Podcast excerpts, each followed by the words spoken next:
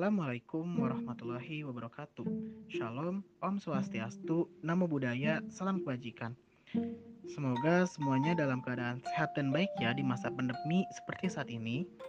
Oh iya, di podcast kali ini, kami kelompok 4 Ilmu Kewarganegaraan Departemen Pendidikan Kewarganegaraan 2020 kelas A yang beranggotakan saya sendiri Rian Juniawan dengan nomor induk mahasiswa 2003 552 Aulia Zahra NIM 2001 325 Debbie Ababil NIM 2007 130 Ilhan Hardi Juliawan NIM 2007 088 Emily Halifina NIM 2005 235 Nabila Fauzia NIM 2006 082 Nurul Hanifah NIM 2000899 Octavia Tri Widaryati dengan NIM 2006 806 akan menjelaskan tentang klasifiks sebagai laboratorium demokrasi.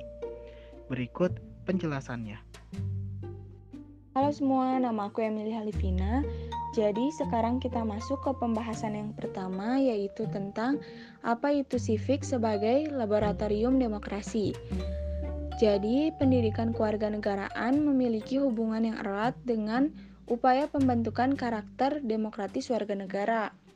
Nah, di sini Zamroni berpendapat bahwa pendidikan kewarganegaraan adalah pendidikan Demokrasi yang bertujuan untuk mempersiapkan warga masyarakat untuk berpikir kritis dan bertindak demokratis melalui aktivitas menanamkan kesadaran kepada generasi baru bahwa demokrasi adalah bentuk kehidupan yang paling menjamin hak warga masyarakat. Nah, di sini ada dua poin. Yang pertama adalah dikembangkannya kelas sebagai laboratorium demokrasi lingkungan sekolah sebagai mikrokosmos demokrasi, dan masyarakat luas sebagai open global classroom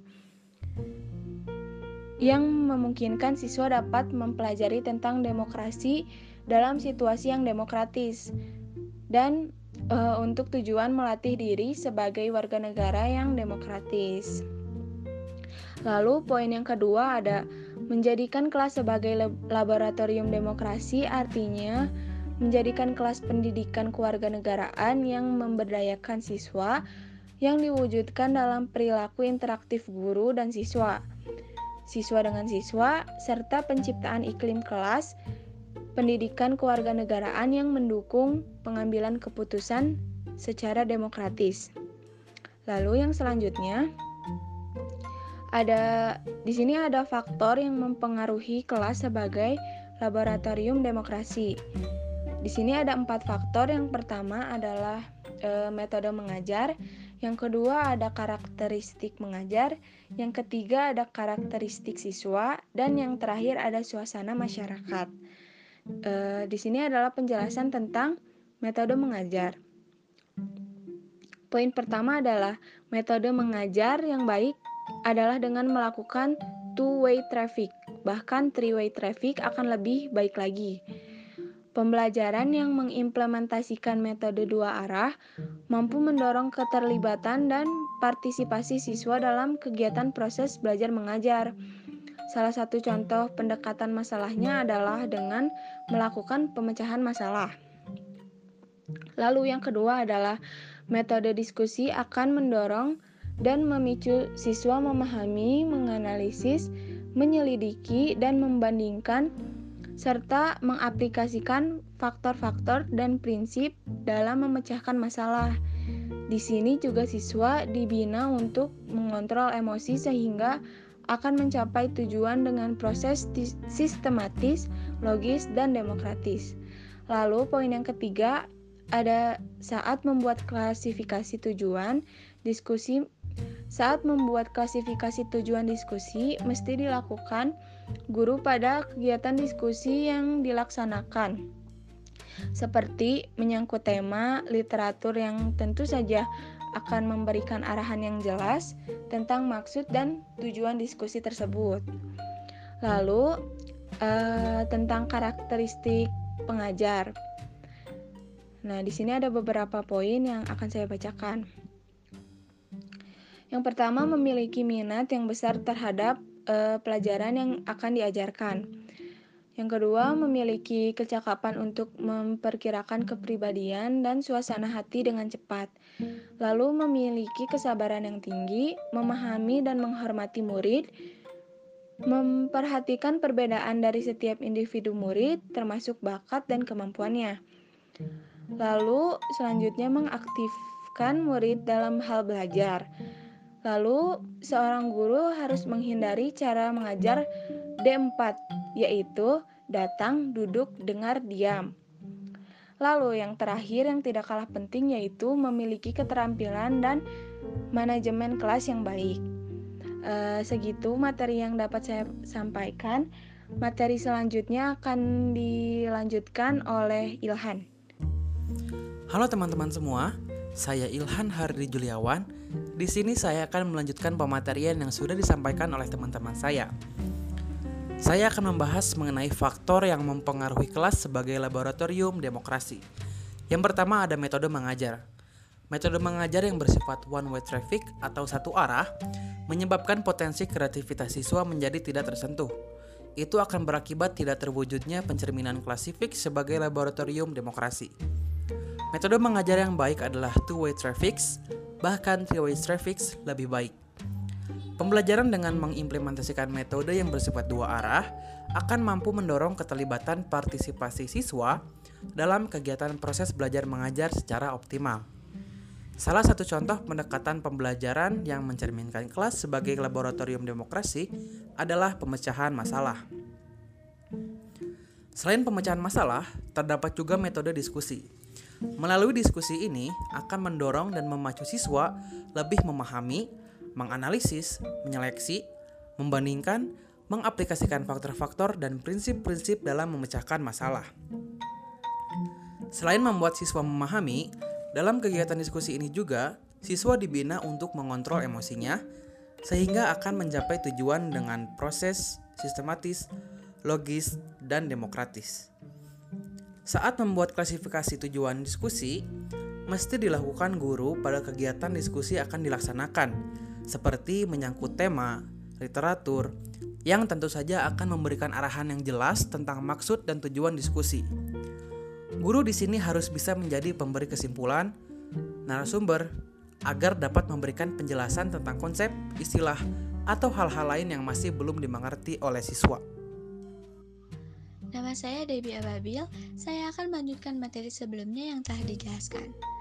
Guru mempunyai peran dan kedudukan yang sangat strategis dalam pembangunan nasional, khususnya dalam bidang pendidikan.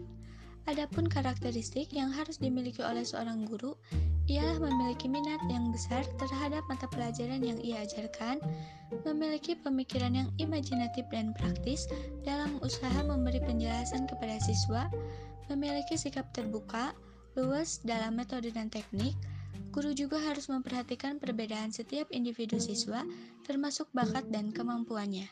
Dan yang terakhir, seorang guru haruslah menghindari cara mengajar D4, datang, duduk, dengar, dan diam. Guru harus memberikan kesempatan kepada siswa untuk aktif dalam kelas. Sekian dari saya, materi selanjutnya akan dijelaskan oleh rekan saya. Saya Rian Juniawan. Di sini saya akan melanjutkan materi yang telah disampaikan oleh rekan saya sebelumnya. Di sini saya akan menyampaikan materi mengenai karakteristik siswa. Menurut Sardiman, karakteristik siswa adalah keseluruhan pola kelakuan dan kemampuan yang ada pada siswa sebagai hasil dari pembawaan dan lingkungan sosialnya sehingga menentukan pola aktivitas dalam meraih cita-citanya. Setiap siswa mempunyai kemampuan dan pembawaannya yang berbeda-beda, Hal ini dikarenakan mereka berasal dari lingkungan sosial yang tidak sama. Kemampuan, pembawaan, dan lingkungan, sis lingkungan sosial siswa telah membentuk karakter mereka tersendiri yang mempunyai pola perilaku tertentu. Pola perilaku yang terbentuk tersebut akan menentukan aktivitas yang dilakukan siswa tersebut, baik di sekolah maupun di luar sekolah. Pola perilaku yang dimiliki masing-masing siswa menyebabkan mereka mempunyai karakteristik yang berbeda-beda antara satu dengan yang lain. Maka dari itu, Perbedaan karakteristik setiap individu ini merupakan salah satu faktor yang menjadi pendukung untuk mewujudkan kualitas masing-masing dari setiap individu. Selain itu, karakteristik siswa sangat menentukan dalam upaya mewujudkan kelas civics sebagai laboratorium demokrasi. Seringkali guru-guru dihadapkan pada persoalan yang menyangkut karakteristik siswa yang berbeda-beda itu. Dalam hubungannya dengan ini, Stanley Diamond membagi ke dalam tiga klasifikasi pelajar. Di antaranya yaitu ada Stone Citizens, Sponge Citizens, dan Generator Citizens. Yang pertama ada Stone Citizens. Stone Citizens ditandai dengan sifat atau sikapnya yang sulit menerima pendapat atau pandangan orang lain dan juga sangat sulit untuk mengemukakan pendapat atau pandangannya sendiri. Lalu yang kedua ada spawn citizens. Spawn citizens ditandai dengan sikap atau sifat yang mau menerima pendapat atau pandangan orang lain, namun sulit untuk mengeluarkan atau mengemukakan pendapatnya sendiri. Lalu yang ketiga ada generator citizens. Generator citizens merupakan karakteristik yang ideal dan karenanya harus diupayakan oleh setiap siswa untuk diimplementasikan di dalam kehidupan nyata. Sebab, karakteristik ini ditandai dengan kemampuan untuk mau menerima pendapat dan pandangan orang lain dan mampu mengemukakan atau mengeluarkan pendapatnya sendiri. Maka makna dari karakter yang merupakan kualitas perilaku kolektif kebangsaan yang khas, baik, yang tercermin dalam kesadaran, pemahaman, rasa, karsa, dan perilaku berbangsa dan bernegara sebagai hasil olah pikir, olah hati, olah rasa, dan karsa seseorang atau sekelompok orang berdasarkan nilai-nilai Pancasila, norma, Undang-Undang Dasar 1945, keberagaman dengan prinsip Bhinneka Tunggal Ika, dan komitmen terhadap negara kesatuan Republik Indonesia ini dapat terwujud. Baik, materi selanjutnya akan dilanjutkan oleh rekan saya. Kemudian ada suasana masyarakat. Di samping faktor metode mengajar, karakteristik guru dan siswa yang menentukan dalam melaksanakan kelas sebagai laboratorium demokrasi, terdapat satu faktor terakhir, yaitu suasana masyarakatnya. Kondisi lingkungan atau masyarakat di mana sekolah tersebut berada sangat mempengaruhi terhadap upaya mewujudkan kelas yang demokratis. Keadaan masyarakat yang kacau, sensitif, mudah emosi, tentu saja akan mengganggu jalannya proses pendidikan di sekolah tersebut. Maka nama saya Oktavia Triudaryati dengan nomor induk mahasiswa 2006806. Di sini saya akan melanjutkan materi yang sebelumnya dijelaskan oleh Ilhan. Di sini saya akan menjelaskan tentang pentingnya mewujudkan kelas sebagai laboratorium demokrasi.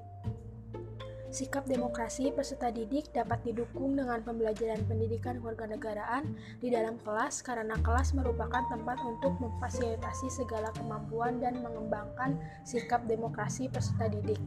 Dalam upaya untuk meningkatkan nilai-nilai melalui lingkungan sekolah, pembelajaran pendidikan kewarganegaraan harus dilakukan secara efektif.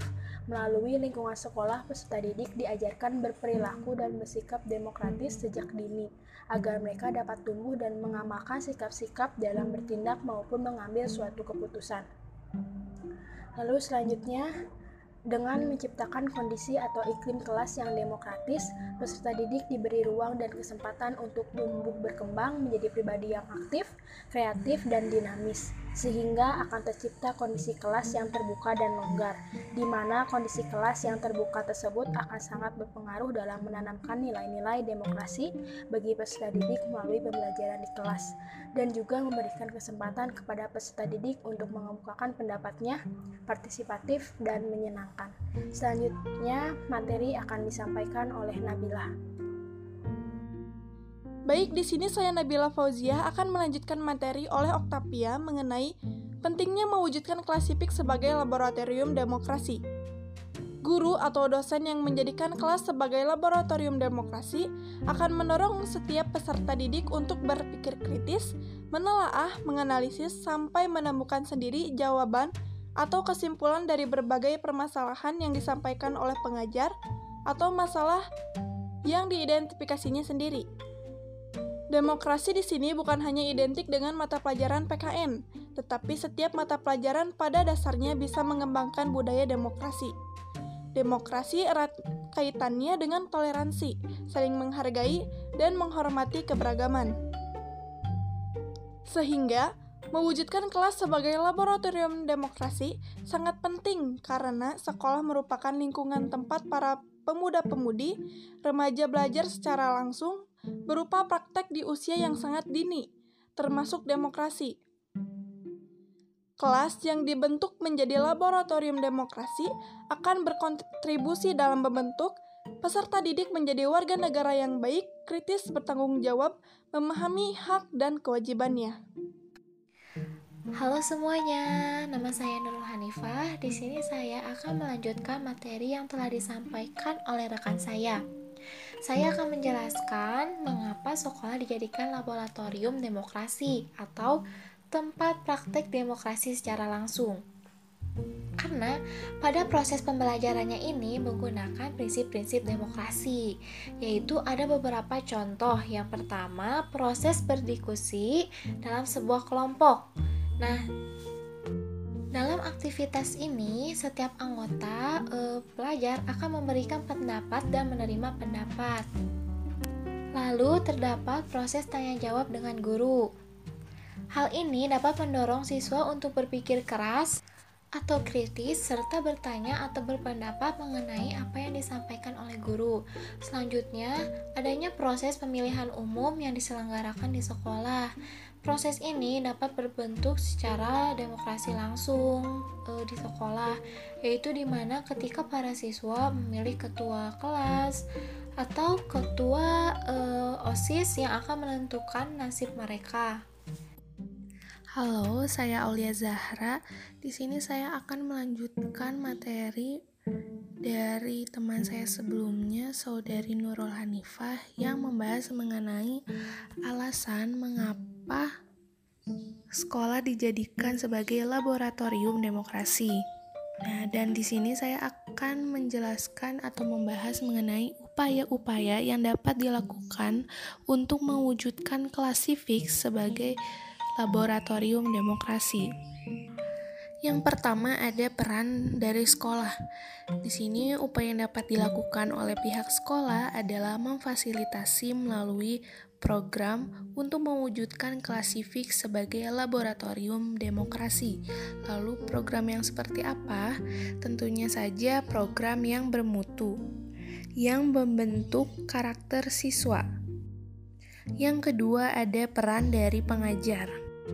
Peran pihak guru adalah untuk membangun interaksi antar peserta didik, saling bertukar informasi, mendiskusikan berita terkini, mengambil keputusan berdasarkan beberapa keterlibatan pendapat, sehingga terbentuk sebuah kesepakatan bersama dan terciptanya kenyamanan di dalam kelas dengan menjaga emosi serta sikap ramah antar guru dengan peserta didik kelas sebagai laboratorium demokrasi dalam pembelajarannya berbasis problem based learning atau berbasis masalah. Dengan adanya berbagai masalah di sini, peserta didik dilatih untuk memecahkan masalah dengan mengemukakan pendapat. Dan yang terakhir ada peran dari siswa itu sendiri yang di mana siswa harus memaksimalkan kemampuannya dalam pembelajaran, ikut aktif mengemukakan pendapatnya, menyanggah pendapat, menghargai perbedaan pendapat dan latar belakang teman-temannya menjaga keharmonisan antara guru dengan dirinya, mengedepankan musyawarah untuk mengambil suatu keputusan bersama dengan menghargai pendapat dan menggunakan kata-kata santun serta mengontrol emosi masing-masing. Sekian yang dapat kelompok kami sampaikan. Semoga podcast kami ini dapat bermanfaat juga.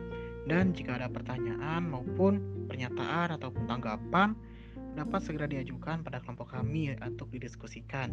Eh, sekian dan terima kasih. Wassalamualaikum warahmatullahi wabarakatuh. Tetap semangat!